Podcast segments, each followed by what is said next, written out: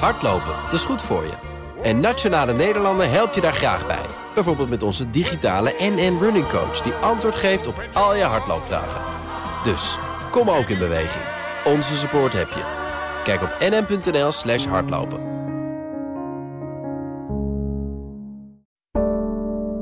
Een goedemorgen van het FD.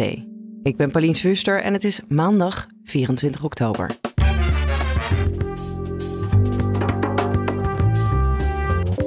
Het ministerie van Economische Zaken werkt aan een crisisplan voor het moment dat de ban op Russische olie ingaat. Als je dat ineens moet vervangen, of ineens, maar dat zie je natuurlijk aankomen, maar dat is, ja, die volumes die heb je niet zomaar. Ondertussen wordt de Russische economie wel hard geraakt, maar nog niet zo erg als we dachten. Je zou eigenlijk kunnen zeggen dat de klap van de oorlog minder groot is dan eerder werd ingeschat. En huizenkopers zijn steeds meer gefocust op het energielabel. Is dit wel HR plus glas? En dat ze aan het kijken zijn of er zonnepanelen op het dak kunnen. Er wordt naar de gas- en lichtrekening gevraagd. Dit is de dagkoers van het FD. Op 5 december gaat de Europese boycott van Russische olie en olieproducten in. Er zijn grote zorgen dat dat gaat leiden tot een tekort aan diesel en nog hogere prijzen aan de pomp. Daarom werkt het ministerie van Economische Zaken aan een landelijk crisisplan olie. Onze energieredacteur Bert van Dijk legt uit waarom de zorgen zo groot zijn. Omdat we heel veel Russische olie gebruiken op dit moment. Uh, dat is eigenlijk het simpele antwoord. Er komt veel Russische olie en ook diesel deze kant op. Uh, en van de Russische olie maken we ook zelf ook diesel. En als dat niet meer deze kant op komt, dan moeten we dat dus vervangen. En ja, de ene olie is de andere olie niet. Uh, dus elke olie heeft zijn eigen eigenschappen. En de raffinaderijen die wij in Nederland hebben, dus in Pernis, in Rotterdam, die zijn vooral ingeregeld, zoals het heet, op Russische olie. Dus die kunnen heel goed omgaan met Russische olie om daar uh, diesel van te maken. En als je daar andere olie in stopt aan het begin, ja, dan kun je daar minder diesel uithalen of je moet je processen aanpassen. Omdat gewoon, ja, het raffinageproces verloopt dan anders. Ja, en is dat een kwestie van een paar knopjes omzetten of is dat lastig? Nou, dat is wel iets lastiger dan een paar knoppen omzetten. Dus dat is een beetje het probleem. Dus eigenlijk wat je wil is als je geen Russische olie meer mag gebruiken, dan wil je een vergelijkbaar type olie zoeken en dat gebruiken. Dus een wat zwaarder type. Dat is niet overal zomaar in, groot, in dezelfde grote volumes te krijgen. Want ongeveer, ik geloof 34% van alle olie die door de raffinaderij gaat in, uh, in uh, Nederland, dat is Russische olie. Dus dat is heel veel. Als je dat ineens moet vervangen, of ineens, maar dat zie je natuurlijk aankomen. Maar dat is, ja, die volumes die heb je niet zomaar. Nee. Kunnen we die wel ergens anders weghalen als we de goede prijs betalen? Ja, tegen elke prijs is natuurlijk alles uh, te krijgen. Dat is dus ook wat er nu gebeurt. Dus met name de handelaren, de grote multinationals, de energiehandelshuizen. Uh, ja, die zijn nu overal aan, uh, aan, het, aan het inkopen natuurlijk. En om, om te kijken om, de, om die Russische olie te vervangen. En daar zit natuurlijk meteen een ander probleem. Want we gaan van Russische olie af. Maar ja, waar gaan we het dan vandaan halen? Nou ja, dan, ik, dan hoor je echt namen als Iran en Venezuela zelfs. Dat is ook door Amerika bevestigd. En ja, de vraag is ook of je dat wil. Of je olie. Hè, de, Venezuela is nou ook niet het meest uh, vredelievende regime. Maar Iran en Venezuela ja, zijn ook allebei zelf uh, vallen onder sancties. Dus dat is ook heel moeilijk. Dus ja, dat, dat, dat soort discussies ga je dan krijgen. Ja, en als jij zegt de VS, dan willen zij dus ook die olie. Dus moeten we ook nog tegen ze op gaan bieden. Ja, ja dat zie je nu al gebeuren. Er zijn nu al uh, berichten van tankers, dus dieseltankers die uit Afrika kwamen of uit het Midden-Oosten. Die met als bestemming Europa ja, die zijn eigenlijk halverwege uh, ja, omgekeerd of afgeslagen richting Amerika, omdat daar de prijzen hoog uh, liggen. Ja. En dat zien we al langer, al jarenlang gebeuren, ook met LNG, dus met vloeibaar gas, is dat al in sommige delen heel gebruikelijk. Wij hebben zelf als Europa daar ook debet aan. Wij betalen ook meer, dus er zijn ook landen als Pakistan en uh, nog wat anders, Sri Lanka geloof ik, die wilden ook dat gas hebben, maar dat hebben wij voor hun neus weggekaapt. Nou ja, nu gebeurt dat dus ook met diesel voor onze neus. En hoe groot gaat dat tekort worden? Hebben we daar een idee van? Nou, dat is dus heel moeilijk. De vraag is of er, of er echt ook fysieke tekorten komen. Uiteindelijk regelt de markt het natuurlijk zelf. Dan worden de prijzen zo hoog dat, dat vanzelf de vraag uh, wordt, uh, wordt teruggebracht. Maar ja, de overheid houdt er wel rekening mee. Dus die zijn ook bezig om een, uh, ja, een crisisplan olie op te stellen. Kijken van wat er gebeurt als er echt, echt fysieke tekorten komen. Van hoe gaan we dan distribueren? Welke sectoren krijgen dan prioriteit? En welke nou ja, iets, krijgen iets minder prioriteit? En dat wordt 5, ja, 5 december gaan de sancties in. En eigenlijk voor die tijd moet dat plan uh, bij de minister liggen. Ja. Uh, en dat wil niet zeggen dat wij het dan al weten, want dan ligt het nog niet bij de Kamer. Maar ja, dan moet het vrij snel wel duidelijk worden. En welke sectoren worden het hardst geraakt? Um, nou ja, sowieso de transportsector, want die, ja, die rijdt eigenlijk bijna 100% op diesel. Dan hebben we de binnenvaart, uh, scheepvaart, dus de hele transportsector. Maar ja, ook de, gewoon de hele distributie, dus alles wat, uh, nou ja, maar dat is natuurlijk de transportsector, maar ook naar de supermarkten gaat. Ja, de medicijnen, je kunt er van, van alles ja. bedenken. En kunnen zij dat doorberekenen? Nou ja, Transport en Logistiek Nederland zegt dat, ze, dat de meeste logistieke bedrijven die hebben ja, zogenaamde dieselclausules. Dus die berekenen het gewoon door aan de opdrachtgever. Uh, maar er zijn een aantal die dat niet doen. Dus die, uh, die zitten dan wel met de pijn. En als ze het wel doen, ja, dan uiteindelijk, dan die opdrachtgevers gaan dat misschien wel betalen, maar die gaan het wel verhalen op jou en mij als je naar de supermarkt gaat. Dus ja, dat zien we natuurlijk eigenlijk ook al wel gebeuren in de prijzen. Prijzen lopen al op, inflatie is hoog. Deels is dat energieprijzen en deels is dat, zijpelt dat dus ook door in de transportkosten. Um, en als dat verder oploopt, gaan die prijzen gewoon verder omhoog. En dan blijven we nog even bij Rusland. Onze macro-economie-redacteur Marijn Jongsma heeft namelijk uitgezocht hoe de Russische economie ervoor staat. Ja, tijdens de IMF-vergadering uh, eerder uh, deze maand was er uh, op de persconferenties een Russische journalist die tot twee keer toe bij verschillende bijeenkomsten dezelfde vraag stelde. Namelijk, goh, beste dames en heren van het IMF, het valt toch eigenlijk wel mee met onze economie, want uh, eerst verwachten jullie een krimp van 8%, toen een krimp van 6% voor dit jaar en nu iets meer dan 3%. Uh, dus eigenlijk uh, gaat het de goede kant op, zou je kunnen zeggen. Waarop het antwoord natuurlijk is van ja, maar de economie krimpt nog steeds. Terwijl elders in de VS, in Europa, wordt in ieder geval nog een lichte groei verwacht. Of dat allemaal ook gerealiseerd zal gaan worden, is maar de vraag overigens. Want de vooruitzichten zijn niet heel erg rooskleurig. Uh, maar dat geldt natuurlijk ook voor de Russische economie. Maar ze kunnen de klap op dit moment nog redelijk opvangen dan? Ja, je zou eigenlijk kunnen zeggen dat de klap van de oorlog minder groot is dan eerder werd ingeschat.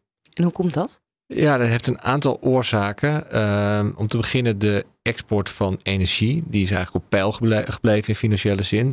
De Russische export van gas naar Europa is met 80% gedaald uh, in een jaar tijd. Dat is natuurlijk enorm. Maar voor Rusland is de export van olie eigenlijk veel belangrijker. Uh, en die is redelijk op peil gebleven tot dusver. Terwijl de olieprijs wat hoger ligt dan, dan vorig jaar. Dus ja, ze harken daar toch enorm veel geld mee naar binnen. En de roebel? Ja, die is dus heel sterk eigenlijk. Uh, Grappig genoeg, want je zou zeggen, een economie die wordt uh, belaagd door allerlei sancties en een beetje de paria van de wereld uh, is geworden. Uh, die heeft een zwakke munt, maar niets is minder waar. Dat heeft ook een aantal oorzaken. Om te beginnen waar we het net over hadden, namelijk de, de energie-export. Die is dus op peil gebleven. Rusland is gewoon een, nog een enorm energie-powerhouse, zou je kunnen zeggen.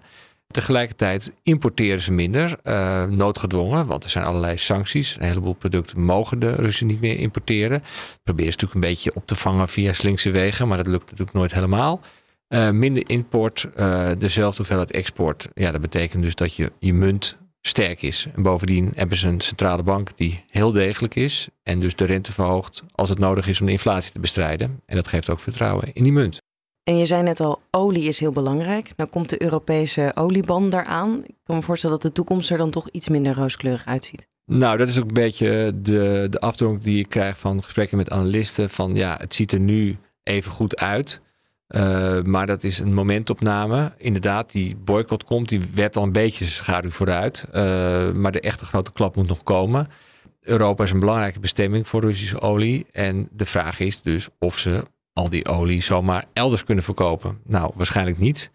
Dat betekent dus dat ze wel degelijk een klap krijgen in die opbrengsten. Bovendien is het ook nog maar de vraag of die olieprijs op het huidige pijl blijft. Want als er inderdaad een wereldwijde recessie komt, dan zul je ook zien dat die, die olieprijs onder druk komt te staan. En de impact van de oorlog zelf? Nou ja, die oorlog uh, die kost natuurlijk om te beginnen heel veel geld. Uh, dat geld hebben ze nu. Of ze dat blijven hebben is, is een tweede. Maar op de lange termijn ja, heeft die oorlog enorme impact, onder meer op de arbeidsbevolking. Mensen moeten het leger in of ze vertrekken uit het land. Uh, en dat betekent dus dat je, dat je capaciteit van je economie, de potentiële groei, die komt gewoon onder druk te staan. En de sancties? Nou, kijk, die sancties die hebben natuurlijk uh, nooit direct effect. Hè? Als, als je bijvoorbeeld kijkt naar uh, onderdelen die ze nodig hebben voor allerlei machines en dergelijke, ja, die hebben ze natuurlijk ook wel op voorraad. Ehm, maar op een gegeven moment raken die voorraden op. Eh, dus sancties die, die kosten altijd tijd voordat ze echt hun, eh, hun effect krijgen. En, en dat ga je ook zien op een gegeven moment. En tot slot gaan we naar de huizenmarkt, waar kopers steeds beter letten op het energielabel van een woning. En dat zie je ook terug bij de bezichtigingen, merkte woningmarktredacteur Nelke Trappenburg. Dat echt ineens uh, inderdaad een mevrouw uh, enorm naar de kozijnen staat te kijken van is dit wel HR plus glas? En dat ze aan het kijken zijn of er zonnepanelen op het dak kunnen. Er wordt naar de gas- en lichtrekening gevraagd.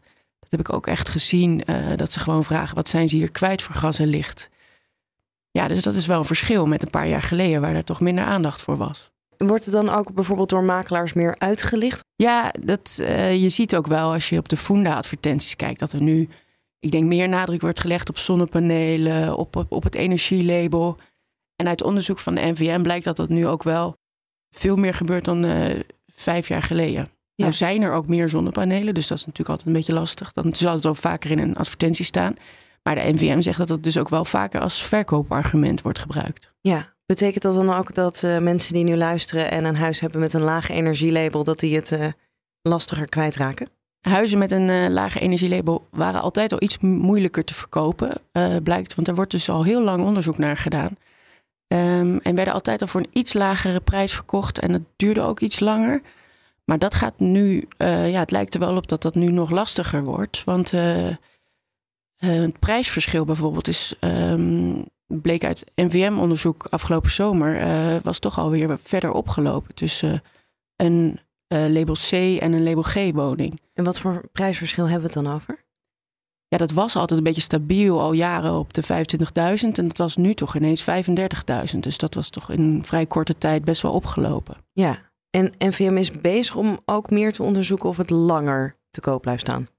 Nou ja, die zijn bezig om, om, om een uitgebreider onderzoek te doen naar wat nou precies het effect is uh, van die gestegen energierekening en uh, op de verkoop van woningen. Ik vermoed dat ze daarbij ook zullen gaan kijken van of het bijvoorbeeld langer duurt om een huis te verkopen. Als het energielabel zo belangrijk is, is dat dan nog iets waar je tegen in bezwaar kan gaan of zorgen dat je toch van G naar F of naar D gaat of wat dan ook?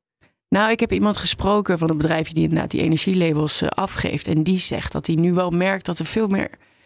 Ja, er staat toch wat meer druk op. Mensen gaan vaker in discussie. Want die hebben bijvoorbeeld in hun hoofd dat ze label C krijgen. En als ze dat dan niet krijgen, ja, dat ze dan toch meer in discussie gaan met die bedrijven die die labels afgeven. Die zich natuurlijk gewoon netjes aan de regels moeten houden van wanneer ze dat kunnen doen. Dus je, je merkt wel dat verkopers wel doorhebben dat het er toe doet. Of meer toe doet. Ja, maar hij zegt dus: uh, ik geef nooit toe ik uh, volg precies allemaal de regels. Dat zegt hij tegen mij, uiteraard, ja.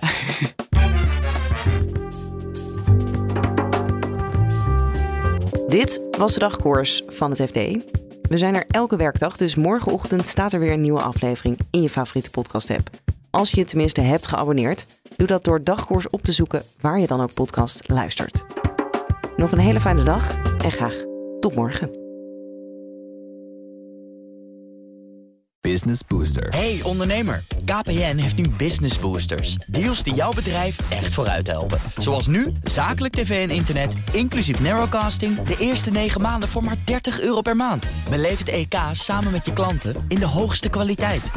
Kijk op kpn.com businessbooster. Business Booster.